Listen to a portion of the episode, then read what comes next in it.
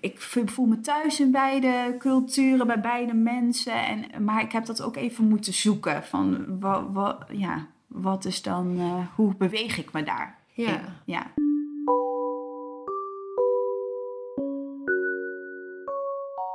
Je luistert naar De Kleine Heldin, een moedige podcast over vrouwelijk leiderschap. Mijn naam is Fatma Genj en in De Kleine Heldin onderzoek ik wat vrouwelijk leiderschap is en probeer ik samen met vrouwelijke leiders een nieuwe definitie te geven aan heldinnenschap en leiderschap. Het thema van vandaag is integratie en ik spreek Jelis Cicek uitgebreid over haar cyclus, het gevecht en wat ze daarbij heeft moeten loslaten om tot de integratie te komen. Omdat we ruim de tijd nemen, heb ik deze aflevering in tweeën geknipt. In het eerste deel bespreken we het thema integratie en het gevecht met dual heritage. In het tweede deel ontdekken we hoe Jellis in haar leiderschap de integratie heeft gevonden en ervaart in haar leven nu. En voordat je verder luistert, weet dat ik in deze aflevering een persoonlijk verhaal met triggerende elementen deel. Dus check even de show notes zodat je weet welk deel je kunt skippen.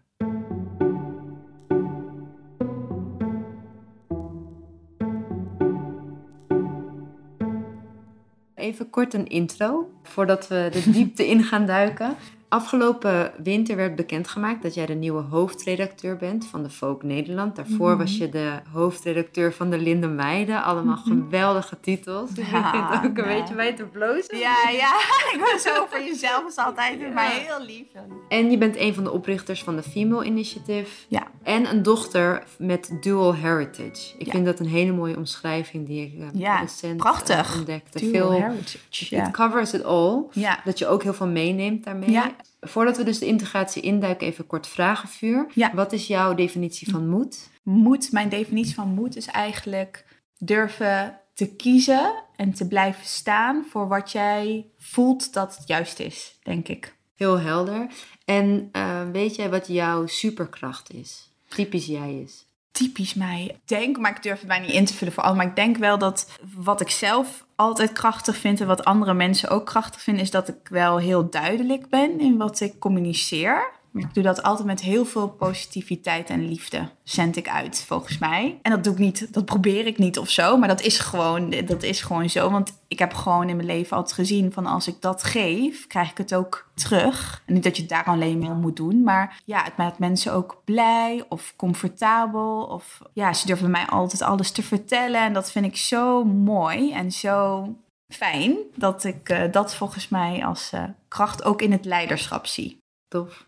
Ik zie dat ook heel erg in jou. Dat is ook wat mij zo heel erg aantrekt naar jou als leider. Mhm. Dat je inderdaad altijd, je hebt altijd een glimlach. En zelfs als het over hele zware onderwerpen gaat, maar of het nou een big smile is of een ingetogen glimlach, het is wel die, die mm het heeft een verzachtende positiviteit, hangt er ook altijd aan. Dat vind ik heel erg mooi. Ja, ook als ik foto's van mezelf zie en dan maak, worden natuurlijk best veel foto's gemaakt voor modebladen. En dan moet je daar op de foto en daar op de foto. En dan kijk ik en dan kiezen ze bijvoorbeeld eentje zonder een beetje een lach. Hè? want dan is het een beetje stoer of weet je, dan vinden ze het sterk en dan herken ik mezelf niet. Dat vind ik altijd van, oh ja, nee, ik zei ook dan herken ik, vind ik mezelf zo afstandelijk en dan zie ik mezelf helemaal niet. Dus dat is ook altijd wel grappig om te zien. En we hadden het over Vogue en dat is natuurlijk altijd zo. Je hebt zo, alle Vogue-editors hebben een soort character. Hè? Dus dan hebben de een heeft een zonnebril met een bob. Het wordt en is altijd bijvoorbeeld in black. Dus uh, gewoon zwarte kledij. Zwart pak altijd. Heel strak, heel mooi. En het hadden we het over wat is dan jouw signature. En toen zei een uh, hele goede vriend van mij, zei it's your smile. Ja. Zo lief. Zei ik, nou, dat is echt heel lief. Dan is mijn signature wordt de smile. ja, mooi. Oh ja, dat klopt, inderdaad. Dan, wat is je Achilleshiel? Ja, oh, goede vraag zeg. Had je me wel voor kunnen bereiden. je, kan hem zo omdraaien. Wat, mhm. wat, wat, wat ik altijd zeg is je superpower is also your kryptonite. Ja. Ken je die uitspraak? Ja, ja, ja, zeker, zeker. Is dat misschien ook de andere kant van ehm, positiviteit? Ja, nou, wat, wat, wat mijn man wel zegt, Jordi, die tegen mij zegt, is dat... Het, dat ik daardoor iedereen binnenlaat, zeg maar, ook in mijn soort van hart. En, voor, en, en ook als en niet iedereen zit misschien in een situatie waarbij ze dat niet kunnen geven. Of hij zit in een situatie waarbij ze misschien niet op dat moment niet oprecht zijn. Of weet je wel, of daar iets. En daar daar wordt dan wel eens misbruik van gemaakt. Weet je, dus dan ik laat dat heel best wel lang doorgaan over mijn grenzen heen. Weet je wel, dan denk ik van ja, ik denk altijd dat ik het met positiviteit en praten en het nog wel kan omvormen of, of wat dan ook. Maar ja, dat, dat kan soms gewoon niet. En ik laat dan best wel snel over mijn grenzen gaan. Oké, Maar wel als je al dichtbij bent hoor. Niet zomaar. Want Ja, als ja ik niet, het- niet in de eerste... Nee, als ik in een werk en iemand gaat echt over mijn grenzen heen, dan ben ik heel duidelijk. Dat ik, eh, ben ik heel feisty, weet je. Dat, Ja. dat moet je niet doen. Maar als je, ik laat je snel binnen, als we hebben gesprekken hebben gehad of wat dan ook, weet je. En daar, de, daar kan het dan wel eens misgaan als ik iemand al heb toegelaten. En dan blijf ik te lang misschien helpen of ja. Maar is dat niet ook het allerlastigst om de mensen die het dichtstbij staan, om die de duidelijke grens te geven? Mm, ja, ja. Holy shit, dat Ja. heb ik, dat, wat je nu zo schetst, dan moet ik ineens denken aan, oh ja, ik ben inderdaad op de, op de werkvloer, kan ik heel goed communiceren, heel duidelijk, Ja. ook heel erg non-violent, gewoon heel, Ja. weet je wel, neutraal. Ja. Maar als het een, iemand is die heel dichtbij Mhm. staat, die gewoon pookt, Mm. dan, dan ga ik eerder in een soort van,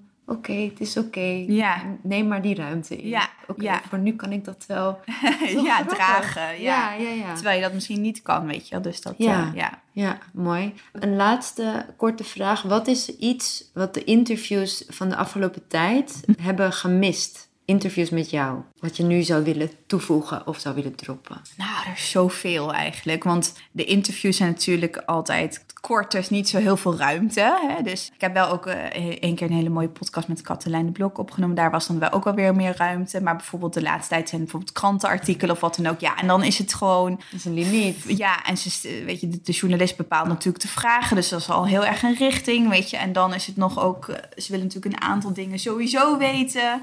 Eh, altijd hoe het is om met Linda de Mol te werken. Weet je, gewoon standaard dingen. Eh, en, dat, da- en dan vragen ze ook wel vaak naar mijn achtergrond of eh, hoe ik ben opgegroeid.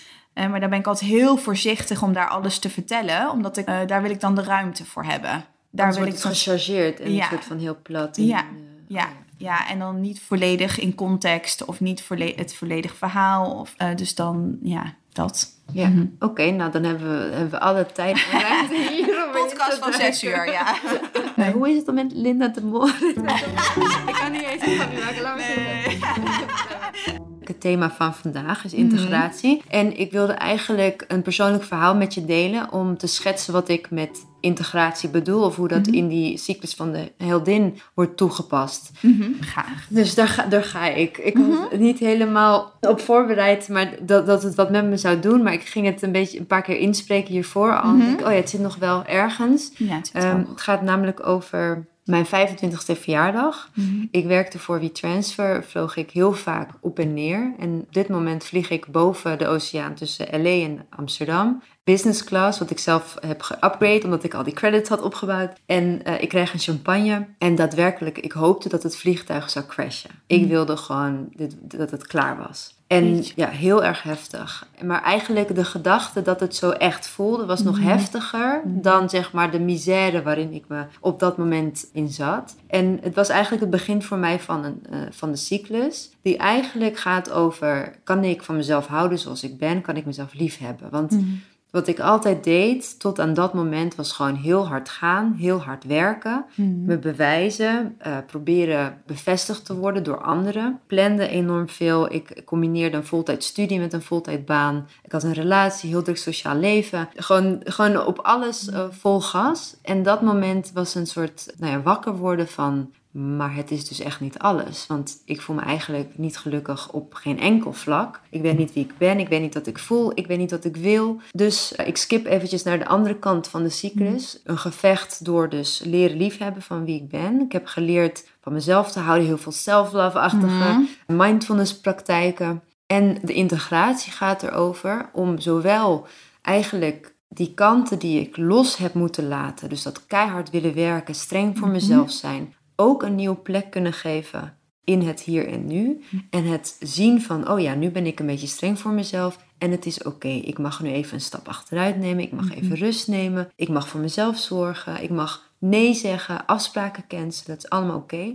Dus eigenlijk gaat de integratie over validatie, acceptatie van mezelf in de volle, volle spectrum. Ja. In schaduw en in licht. En nu op de dag van vandaag kan ik zeggen: het is zo, ik heb die integratie. Mhm. Het is wel fucking veel oefenen. Mhm. Het is echt hard werken. En dat omslagpunt kwam toen. Toen dacht je echt, oké, nu... Nu moet ik het gaan leren. Ja. Toen begon dat proces pas. Mhm. Ik had geen idee op dat moment. Ik keek ook heel erg neer op andere vrouwen die zichzelf bijvoorbeeld heel erg verzorgden. was een soort van, ja, dat doe je toch niet? Je bent toch ambitie, je moet toch knallen, je bent toch purpose, weet je wel zo. Ja. En dat ik ook in, die, in dat laatste stuk van die fase ook heb geleerd om hulp te leren vragen. En Mhm. om ook sisterhood op te bouwen. En te Mhm. merken van nee, ik sta er niet alleen zo in. Er zijn andere vrouwen met dezelfde struggles. Die zich ook willen bewijzen. Die ook zichzelf Mhm. kleiner gemaakt voelen worden door anderen. Voornamelijk mannen. Zo van dat proces, dat is een continu soort wer- wervelwind tussen eigenlijk nee, verschillende kanten van mezelf. Dus ik als hard persoon, ik als zacht persoon. Ik kan ik ze allebei. Tegelijkertijd dragen. En Ja. Ik denk dat ik jou daarom heb uitgenodigd, Mhm. omdat in mijn, in mijn visie op jou, Mhm. mijn perspectief, draag jij ze allebei Mhm. in volle glorie. Dus jij hebt, wat je net ook eigenlijk aangeeft, is je, ik ben heel duidelijk op de werkvloer, kan heel duidelijk grenzen trekken. Je, je hebt heel erg visie op lange termijn. Je bent bezig met diversiteit, inclusie en representatie binnen het medialandschap. Ja. Dat is heel sterk, heel krachtig. Maar je hebt ook een hele mooie zachte kant. Waarbij je echt die sisterhood omarmt. Ik las ergens ook dat je eh, heel, heel erg belangrijk vindt om te ontspannen. Dus ja, dit, dit is heel erg die beide kanten. Dus vandaag was ik heel erg benieuwd naar... Ja, je, hebt, je begint een nieuwe reis bij Vogue. Mhm. Die begint net dit jaar. Mhm. Maar volgens mij heb je ook al een hele grote reis achter de rug... waarin je die integratie hebt Ja. gevonden in jezelf. Ja.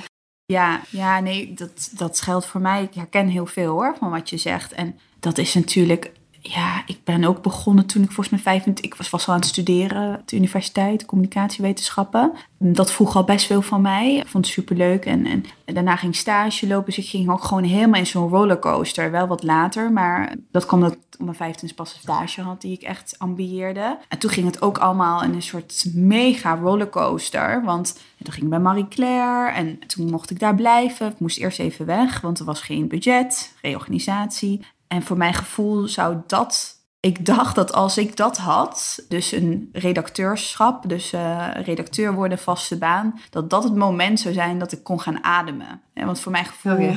had ik ja, thuis al best wel wat races gelopen met, eh, met twee culturen en, en dat was best pittig. En daarna studeren, studeren en, en stages erbij lopen, want ik had helemaal geen netwerk en waar ik ging werken.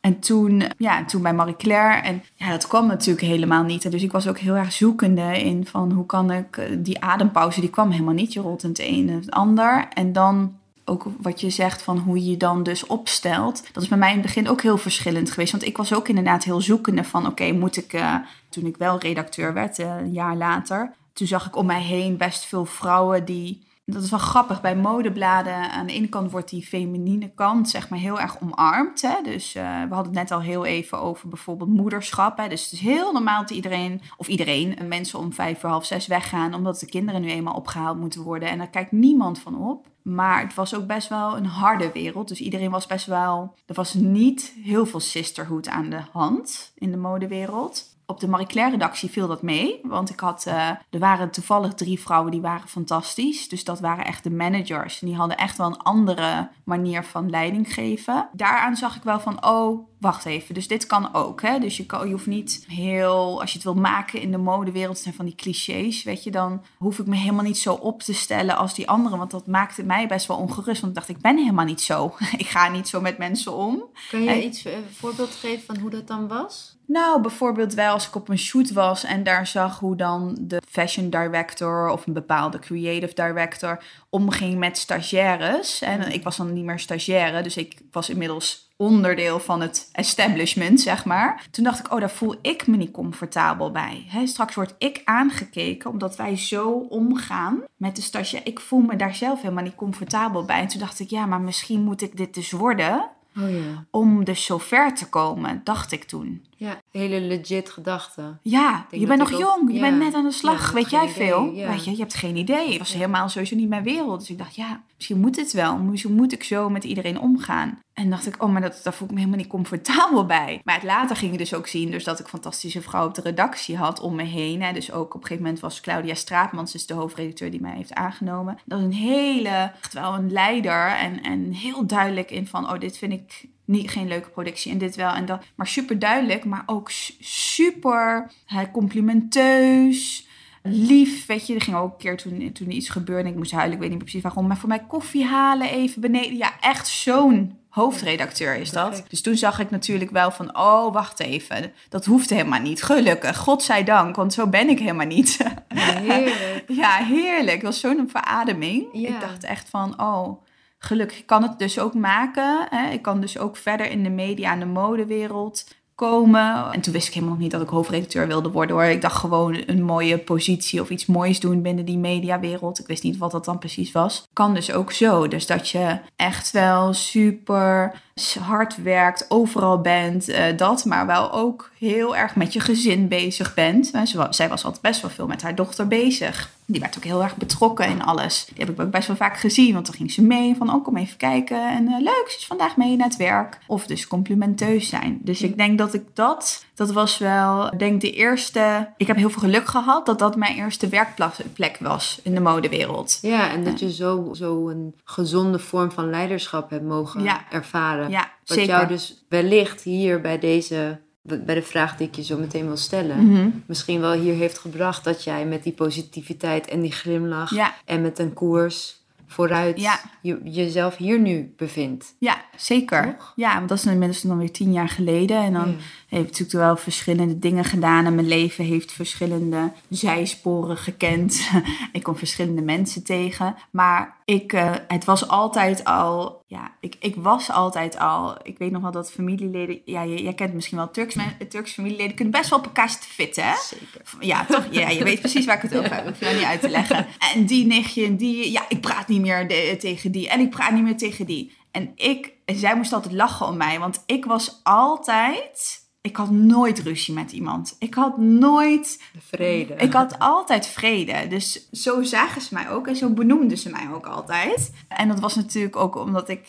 Ik was dan een soort het halfje tussen, al, eh, tussen hen allemaal. Maar ik had nooit ruzie. Ik maakte nooit ruzie. Ja, ik was dat altijd. Dat deed ik niet zo van... Oh, ik ben bang om ruzie te maken. Maar ik was altijd van... Jongens, moet dat? Weet je wel? Of van... Ja, kun je niet toch... En later toen ik ook wat ouder werd of tiener... Weet je, dan zei ik van... eh, weet je, baba, ga gewoon praten met, eh, met die oom. Weet je wel? Dat is toch gewoon... Hmm. Eh, zonde van waarom eh, maken, maken jullie over dat soort dingen nou ruzie? Of hij heeft een halfbroertje, weet je, waar, waar ook wel vaak wat problemen mee waren. Waren ze weer bij elkaar. En ik zei, ja, hij is ook maar een halfbroertje. En ik ook, ik kon me heel erg verplaatsen in hem. Van hoe je je dan misschien kan voelen, weet je. Zo ook een beetje ver- ver- het tussen, want hij was dan ook een eh, half Nederlands, half Turks. Hmm.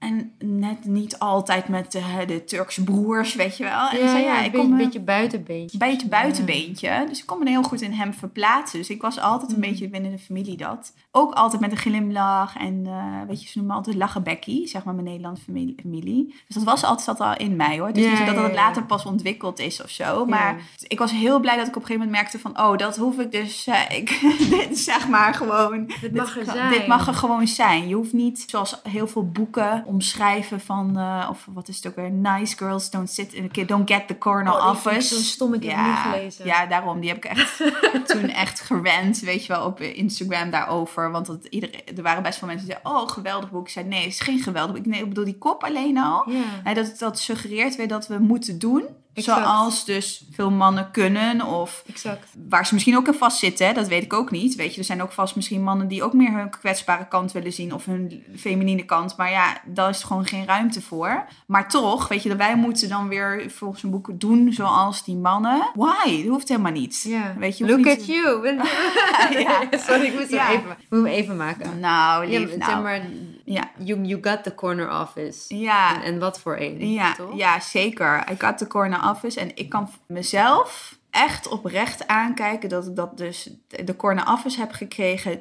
En with being a nice girl. Weet je wel? Gewoon als in voor mijn mensen, voor mijn collega's, voor mensen die waar ik mee samen moest werken, voor stagiaires. Ik zou dus, ik denk van wow, hoe moet dat dan voelen als je ergens bent? En je hebt over allemaal mensen heen gestapt. Ik zou me dan gewoon constant onrustig voelen van je verdient dat dan niet, in mijn ogen, hè, om daar zo te zitten. Dus ik ben ook heel blij dat ik er met trots kan zitten van yes, weet je wel. En kan laten zien van als je een nice person bent en nou, gewoon een uh, lieve vrouw, vrouwelijke leider, kun je er ook komen.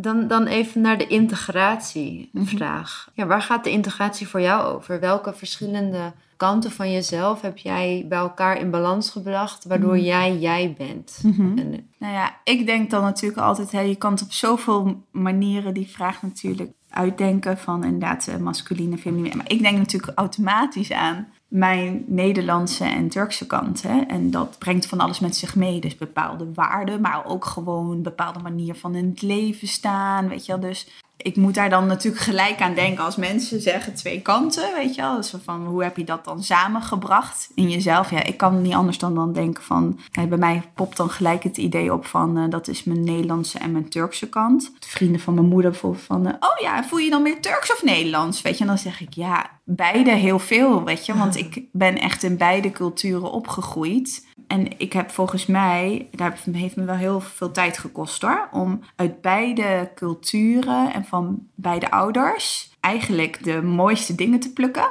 En dat soort van mengsel van te maken dat Jelise nu is. En ja, dat, dat is zonde om dat uit elkaar te trekken. Want dat maakt volgens mij precies wat ik nu ben. Letterlijk, zeg maar, zij samen. Maar ook ja, hoe ze mij hebben opgevoed. En wat ze mij wilden meegeven. Wat zij, hoe zij zelf in het leven staan. En ik heb daar ook allemaal waarden uit meegenomen. Dus ik ben best wel hè, familiair. Ik kan best wel emotioneel of, of uh, ergens echt hè, passie voor hebben. Ik ben ook best vrijgevochten. Ik ben ook... Uh, kan ook heel nuchter zijn, weet je wel. Dus ik heb daar gewoon een soort mix van gemaakt. Ja. Uh, door al die verschillende karaktereigenschappen eigenlijk. Wat dan eigenlijk uiteindelijk worden dat natuurlijk een soort karaktereigenschappen. Daar gewoon dat samen te voegen in mij. Ja. Mooi. En voel, voel, je, daar, voel je daar nu ook een soort heelheid over? Ja, dus er is, ja. hoe, hoe lang geleden is het dat dat niet zo voelde? Ik denk ongeveer tot mijn dertigste, echt wel dik in de dertig. Ik denk 32, dertigste, ik ben nu 35. Ik was toen al wel steeds meer naartoe aan het groeien van dit ben ik dit zijn mijn, uh, dit is de mix geworden. Ja, en als je dat niet leuk vindt, ja, daar kan ik ook niks aan doen. Maar nu was ik, ben ik dit en ik ben uh, volgens mij blij mee. En ik ben daar steeds aan het werken. En ik probeer ook altijd te groeien. Of tuurlijk als mens, maar volgens mij in de basis zit het goed. maar dat heeft heel lang geduurd, omdat ik ja, heel zoekende was. Vooral als tiener denk ik ook. Als ik nu denk aan die tienerjaren, dat, daar moet, moet ik echt niet aan denken. Zo zoekende in van wie ben ik dan? En oh, ben ik dan meer Nederlands? Ben ik dan meer Turks? Want dan is het nog zo gescheiden en dan weet je helemaal nog niet van, oh, maar ik kan gewoon heel mooi accepteren. Wat was het ook weer? Dual, Dual heritage. Ja. Dat was het, maar dat zie je natuurlijk dan niet zo. Hè? Je bent dan, en dan was ik soms uh, periodes bijvoorbeeld heel veel met mijn nichtjes. Weet je wel, mijn, dat was ik echt tot mijn vijftiende, elk weekend, weet je wel, veertiende. Het was mijn lievelingstante en die was, die was ik heel dol op. En, en ik zocht heel erg dat op, omdat ik dat thuis een beetje miste bij mijn moeder, die Turkse cultuur. En ik voelde me daardoor heel erg door aangetrokken. En mijn vader was wel heel erg groot onderdeel van mijn leven. Die, die was gewoon thuis, maar hij werkte heel veel. Dus ik probeerde van, oh ja, maar ik, ik wil meer van die Turkse cultuur. Hè. Ik sprak toen ook heel goed Turks, want ik, ik ging naar les en dat sprak ik met mijn vader en met die familie. En ik hoorde heel veel woorden en dan ging ik elke vakantie, zes weken, gingen we naar Turkije. Uh, toen zocht ik dat heel erg. Nou, en op een gegeven moment, uh, misschien rondom mijn zeventiende of zo, ja, wilde ik eigenlijk iets meer thuis, iets meer van shit, ik wil misschien meer iets meer vrijheid. Hè? Ik wil misschien gaan studeren op de unie. Ja, toen kreeg ik misschien wel wat meer Nederlands vriendinnen. Zoals mijn vader dat dan noemde, de kakvriendinnen. Sorry to say, maar dat noemde hij dan zo. Want toen kreeg ik natuurlijk op VWO allemaal hè, hockeymeisjes. En dat, dat kenden wij niet, want wij kwamen uit een volksbuurt. En uh, ja, die zat allemaal op hockey en, en dat soort dingen. En uh, dat vonden ze alleen maar geweldig om te zien. En mijn vader vond het geweldig. En, maar dan was het ook heel vaak nog wel eens dat dan een Turkse vriendin zei van nichtjes natuurlijk niet hoor, want dat is gewoon bloed. En dat zijn een soort zusjes van mij. Maar Turkse vriendinnen van, oh je bent ons nu vergeten, weet je. Want dan zei ik, nee, maar ik ben beide, ik ben heel erg zoekende van hoe ik hier één identiteit van maak. Weet je, hoe ik mij mij maak en waar ik me goed bij voel. En dus hè, neem me niet kwalijk, hè, maar Mm. ik, kan in beide culturen heel goed bewegen. Nu dus achteraf, dat kost dus wat tijd. Maar ik, ik voel me thuis in beide culturen, bij beide mensen. En, en, maar ik heb dat ook even moeten zoeken van, wat, wat, ja, wat is dan, eh, hoe beweeg ik me daar? Ja. ja. En als we even terug mogen naar het begin van het gevecht, van, de, Mhm. van de heldinnencyclus. Wat was dan een moment waarop jij besefte... Shit, ik kan, dit kan niet meer. Want dit, Mhm. dit verscheurt me eigenlijk nog meer in twee stukken. Ja, Of, of helemaal in duizend stukken. ja. Want het is natuurlijk een heel groot vraagstuk waar, waar, Ja. je, waar je het over hebt. Nou, er waren twee, denk ik, momenten in mijn leven dat ik een soort keerpunt had. Eén punt was dat ik eigenlijk aan mijn ouders duidelijk maakte van... dit is too much. Van, hè, want zij waren beide eigenlijk best wel uitgesproken in hoe zij dingen voor zich zagen. En zij hadden best wel veel ruzie daar ook over, over mijn opvoeding. Daar verschilden ze ook Ja, samen in mening van. Ja. Ieder, ieder van. Ja, ja mijn, mijn, mijn moeder is al sinds haar vijftiende met mijn vader. Dus ze heeft heel veel meegekregen van de Turkse cultuur. Eh, dus zij begreep dat allemaal, allemaal wel. Maar op een gegeven moment werd ik natuurlijk tiener. En toen, het is wel grappig, want dit is voor het eerst dat ik het vertel, maar dat komt dat ik, bij jou, dat ik me bij jou thuis voel en dat het niet uit verband wordt getrokken. Dus dat is altijd Hmm. fijn, want ik laat altijd dat ik denk van, kijk, mijn vader was gewoon islamitisch en die dacht, die dochter, die moeten we, weet je wel, straks eh ligt ze met allemaal mannen. En het was allemaal paniek, ook wat de gemeenschap dan elkaar allemaal wijs Ja, ja, maakt. hè. Pas Dus- maar op dat ze niet... eh, Precies, dus ook, eh, zij was dan ook weer slachtoffer van eigenlijk de gemeenschap. Hè, en dus iets wat daar ja, gecreëerd wordt om de, over elkaars dochters te praten. En dus hij dacht, oh mijn god, zij is half Nederlands. Hè, dus dit gaat bij, dit ging, had, het kon bijna niet goed gaan al. Hè, want Ja. zij dacht, ja, want ik krijg daar Nederlandse vriendinnen. En dan gaan ze uit. En dan komen er allemaal vriendjes. En, en oh, het was één grote ramp in zijn hoofd. Dus wat gebeurde er nu? Waarvan veel mensen denken van... oh, zij heeft het vast wat makkelijker thuis gehad. En omdat zijn moeder Nederlands is. Mijn vader ging nog meer bovenop mij zitten. En strakker houden. Omdat hij dacht van... ja, maar hè, dus straks kan ik haar, geef ik haar helemaal niets meer van de cultuur mee. Dus uit- Oh, op zijn manier was hij ook slachtoffer daarvan. Ja, en ik probeerde, mijn moeder was altijd wel echt mijn veilige haven, als in alle gesprekken konden daar plaatsvinden. Maar zij was ook soms wel een beetje van, ja, ook een beetje in tweeën van, ja, dit is de man natuurlijk met wie ik samen ben en ben getrouwd. En ik hou superveel van hem. En hij is ook heel lief en warm, want het was echt zo, hè. Thuis bij ons was wel, weet je, als ik op het einde van de bank zat, zei hij altijd tegen mij van, kom lekker hier zitten, weet je wel. Hij was echt heel lief en... en voor mij. Dus ja, het was ook geen slechte man, weet je. Dus zij was ook altijd weer ook in twee gesplit. En dan probeerde zij ook weer vaak van... Ja, maar Zekeria, iedereen gaat uit, weet je wel. Iedereen eh, heeft een drankje in de stad. Dat hoort bij 17 zijn. En dan zei hij... Nee, echt niet. Dat hoort echt niet bij 17 zijn. En dan punt uit, weet je. En dan was mijn moeder het gewoon niet meer eens, weet je. Want Ja. ja, we moeten daarover praten. Dus dat was best wel moeilijk bij ons thuis. Ja, goed. Dus op een gegeven moment ontmoette ik Jordi. En toen eh, zijn wij samen, of waren wij samen. Dus anderhalf eh, jaar stiekem gedate. En, eh, maar voor mij kwam daar alles samen. Want ik wist al dat het, als ik het ging vertellen, heel veel problemen zou veroorzaken. Omdat hij Nederlands is. En mijn vader had gewoon altijd mij met een Turkse man gezien. Maar dat kwam ook omdat ik heel veel deed wat hij zegt. Dus ik zei. Dus ik werkte bij hem netjes in het weekend. Vanaf mijn veertiende. Ik had inderdaad niet zo heel veel interesse in mannen en uitgaan. Weet je, ik was altijd heel veel aan het studeren, vond ik heerlijk lezen. Ik zat op allerlei klasjes dansen. Nou, ik, ik kan het niet verzinnen, dat was ik allemaal aan het doen. Dus dat ging al, het was wel, wel fijn voor hem, hè? Want hij, Het ja, ging zo. het ging allemaal hartstikke op, goed. zeg Het ging Ja. helemaal hoe hij het had uitgestippeld. Maar ik voelde me wel een beetje in een keurslijf. Hè? Dus iets wat hij voor mij had verzonnen, hoe ik moest leven. Maar ik hield het natuurlijk wel vol, omdat hij wel heel warm was. En we gingen altijd, we- er was wel altijd, mijn vader is een zakenman. Dus we gingen wel lekker uit eten met het gezin. En we gingen wel eh, lekker lange vakanties. En hè, er was best wel thuis ook nog wel gesprek mogelijk bij het ontbijt. Dus dan denk je, eh, neem je het voor lief. Maar toch op een gegeven moment denk je, hm, weet je wel, hier voel ik me niet heel, ik voel me een beetje vast. En dat punt kwam toen dat ik mijn Jordi moest, eh, ging voorstellen en dat hij zei dat hij het niet accepteerde. Echt niet accepteerde, dus hij werd echt heel kwaad en hij wilde het absoluut niet hebben en, en hij ging niet meer tegen me praten. En het was best wel een heftige periode. En toen dacht ik, ja, maar tot hier en niet verder.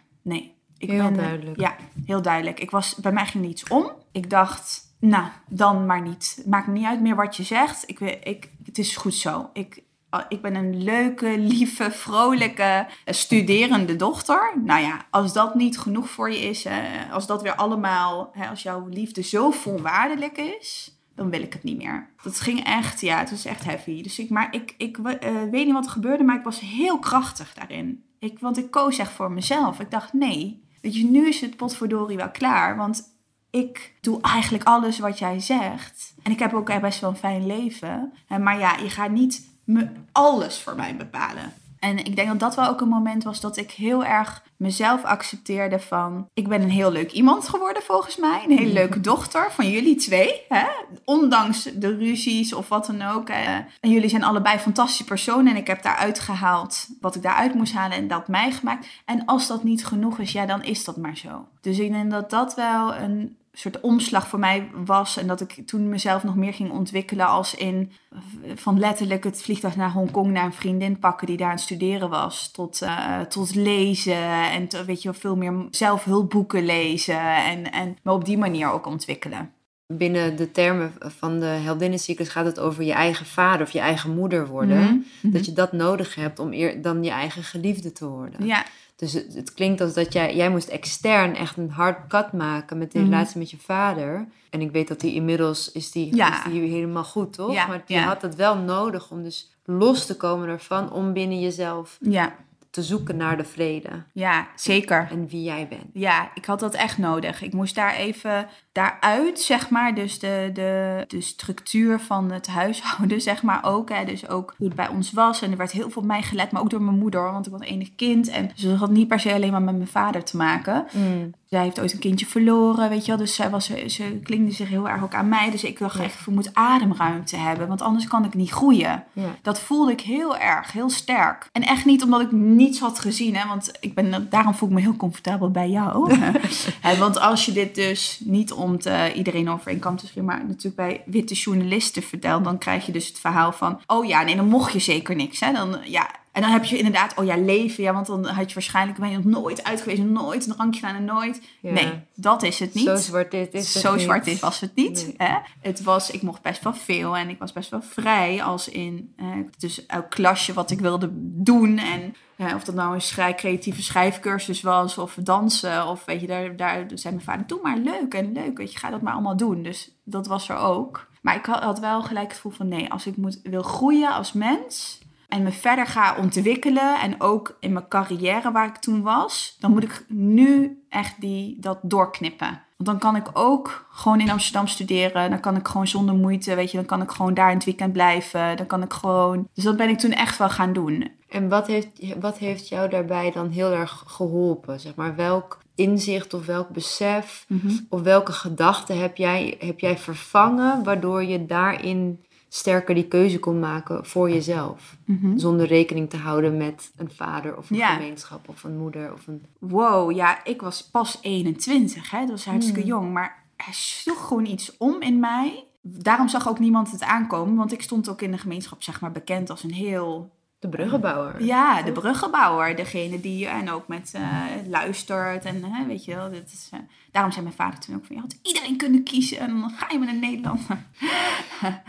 zei hij, maar hij bedoelde in de gemeenschap. maar er sloeg gewoon iets in mij om. Dat ik dacht van nee, om verder nu te komen. En dat spijt me zeer dat ik dat deze keuze nu moet maken. Maar volgens mij om nu verder te komen weer in een wereld die ik misschien nog niet ken, of weet je, Amsterdam, als in het hele universiteitsleven, dan moet ik nu gewoon die keuze maken. Dus ik, eh, en dat is ook gezond om dan op een gegeven moment je eigen weg te vervolgen. Dus ik denk dat ja, het is moeilijk te vast te pinnen van wat was nou mijn gedachte. Ik voelde echt een soort super kracht. Natuurlijk heb ik gehuild, hè, dat mijn vader besloot ook niet meer tegen mij te praten. En Daar heb ik echt wakker van gelegen en heel veel gehuild. Ik had ook Jordi, hè, dat was echt een, de liefste man op aarde, is dat voor mij. Toen ook al. Die was ook heel sterk. En ja, ik dacht, maar ik had wel gelijk zoiets van, ga erom huilen, het is goed zo. Ja, ja. Het is maar, maar, maar dat, dat, is, dat is, ik ben niet op zoek naar een soort tegeltjeswijsheid of zo, Mhm. maar dat van het is goed zo. Ja, It's gonna hurt. ja, Het is moeilijk, het is pijnlijk. Ja. En dit is mijn pad. Dit is Ja. wat ik nodig heb. ja. Die, Klopt. die, die keuze voor mezelf. Ja. Dat, is, dat is toch dat is leeuwinnenkracht. Zeker. En vooral op die leeftijd. Dus Zeker. Ja, ja, precies. Op 21. Ik heb dit ook een- ooit verteld aan een andere hoofdredacteur met wie ik op reis was. Die moest huilen. En die zei, maar je was 21. Zei ik, ja. Zei ze, ja, oh, dat kan ik me niet voorstellen hoe dat is. Maar ik zei, ja, er zat toch al toen dus zo'n power in mij. Dat Mhm. ik eh, dacht, eh, nee, dit moet gewoon nu zo zijn. En inderdaad, het is goed zo. Maar ik dacht wel altijd bij mezelf, het komt wel goed. Want ik ken mijn vader. Hij is ook heel emotioneel, liefdevol, weet je. Dus daar gaat hij nooit eeuwen volhouden. Weet je, Ja, want zo'n vader, hij heeft even tijd nodig. En ik dacht, ik geef hem ook die tijd. Ga, ga je, prima. Praat maar even niet tegen mij. Het komt wel weer goed. Dus ik heb dat, en dat is natuurlijk altijd de manier geweest waarop, waar, waarop ik het heb gedaan. En heel veel vrouwen, toen ik ooit het verhaal, dus het gedeelte dat ik had verteld, kwamen heel veel vrouwen van kleur naar mij toe. En die misschien een, een vriendje van een andere cultuur hebben of een. eh, van oké, hoe moet ik dat nou aanpakken? En ik zei, ja, ik kan voor niemand spreken natuurlijk. Maar ik heb het wel altijd aangepakt met heel veel respect voor mijn vader. Hè? Dus ik ben niet, ben met hem gaan zitten. Ik ben dat gesprek aangaan. Ja, ik bedoel, hij luisterde niet hoor.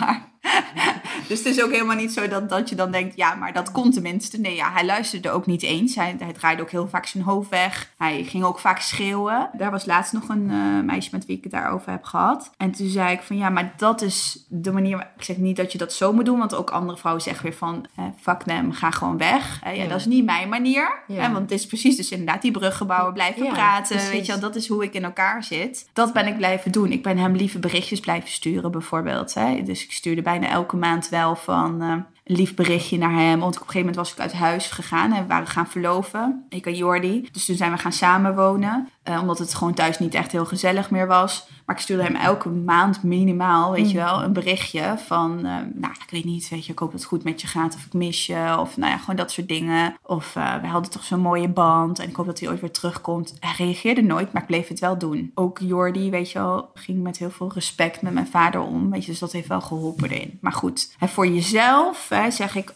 altijd van... is dus niet per se het advies van... hop, weet je wel... eh, kn- Knip, knip, knip. Ja, knip, knip, knip. Want als je daar niet aan toe bent... Hè, of je, dan moet je dat ook zeker niet doen. Als jij niet denkt van... het is goed zo... Dan moet je dat ook niet doen. Hè? Ja. Dus dan moet je ook, dan, dan kunnen. Zij was bijvoorbeeld een psycholoog geweest. En again, er zijn heel veel verschillen in. Want dat was een witte oudere man. Die had gezegd van ja, maar je moet nu voor jezelf kiezen. Weet je wel? Ja. Je moet nu, ja, weet je wel, dat is niet normaal. En denk ik, ja, maar hij begrijpt niet hè, waar we vandaan komen. Dat het, dat het veel meer. Dat ga, dan de beslissing maak je niet op die manier. Ik Ja. heb er anderhalf jaar over gedaan om te bedenken van hoe ga ik dit vertellen? Hoe ga ik de soort van effect creëren die ik wil? Weet je, dus. ja, ja, ja. Dus je moet altijd gewoon bij jezelf gaan voelen van is dit tijd om een beslissing te maken? Ja, precies. En, en sta ik open voor de mogelijke consequenties daarvan. Ja. Zoals jij dus eigenlijk omschrijft, dat jij er oké mee was dat, Ja. door die pijnlijkheid te Ja. gaan. Ja. En ook in het eenzaamheid, en dan bedoel ik niet dat jij je Mhm. eenzaam voelde, maar dat je dus wel even alleen door het proces heen moet gaan. Zeker. Ook een hele grote stap. Ja, ja. En bij mij kwam natuurlijk ook dan bekijken dat ik, ja, ik had net helemaal dat deel ook omarmd van mij, was een onderdeel van mij geworden. Ook de Turkse familie natuurlijk. Ik was heel bang dat zij me misschien dan ook gingen laten vallen. Hè? Oh ja, dus dan had ik net onderdeel van mij gemaakt. En dan dacht ik, dat wil ik helemaal niet, want dat ben ik ook niet. Dan verlies ik heel die kant van mij, verlies ik straks. En daar heb ik nu net mij van gemaakt. Dan begint dan een beetje dat je denkt, oh, ik heb een identiteit. Toch? Het is een beetje wat ik Ja. wil. 16 is ook een heel eh warrige periode. 21 denk je, oké, dit ben ik. En dan Ja. denk je dat je weet wie je bent. En dan weet je, dat weet je pas Tien jaar later, Tien nog jaar later. niet helemaal niet meer. Precies, Ja. dat weet je echt pas tien jaar later. Maar goed, daar was ik wel heel bang voor. Van, oh nee, want dan heb, mis ik, verlies ik straks heel die kant van de familie. En daar voel ik me zo bij thuis. En aan wie moet ik dan? Ik had wel wat Turkse vriendinnen, eh, maar, maar dat was niet zo hoor. Want zij waren dus ook super dol op mij. En ja, dus ik ging gewoon net zo goed naar al mijn tantes. En die gingen ook gewoon eh, met mijn vader praten bijvoorbeeld. Van waarom, weet je, de, ze keerde juist, weet je, wil toch met je praten. En hij wil met haar trouwen. Nou, je kent allemaal dat soort dingen allemaal. Ja, onderhandel. eh. Uh, ja, ja, dus dat was gelukkig niet zo. Maar dat mm. was ook, eh, ik was toen wel bang om dat deel van mijn identiteit dan te verliezen. Hè? Niet meer, dacht ik, ik heb nog wel even nodig om dat nog meer onderdeel van mij te maken ook. Hè? Omdat het blijvend onderdeel van mij is. Het onderdeel.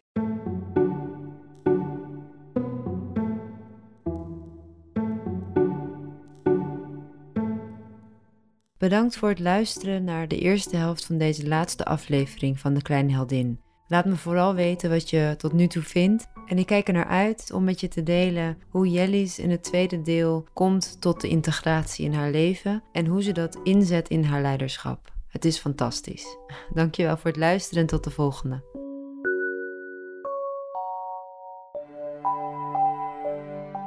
Alleen het is wel soms, ja, het gaat stroperig, omdat we natuurlijk met z'n allen ook een beetje vastzitten in die oude patronen. Van hoe we dus hè, leiding geven. Of hoe bepaalde werkvelden zijn ingericht of hoe de media is ingericht. Ja.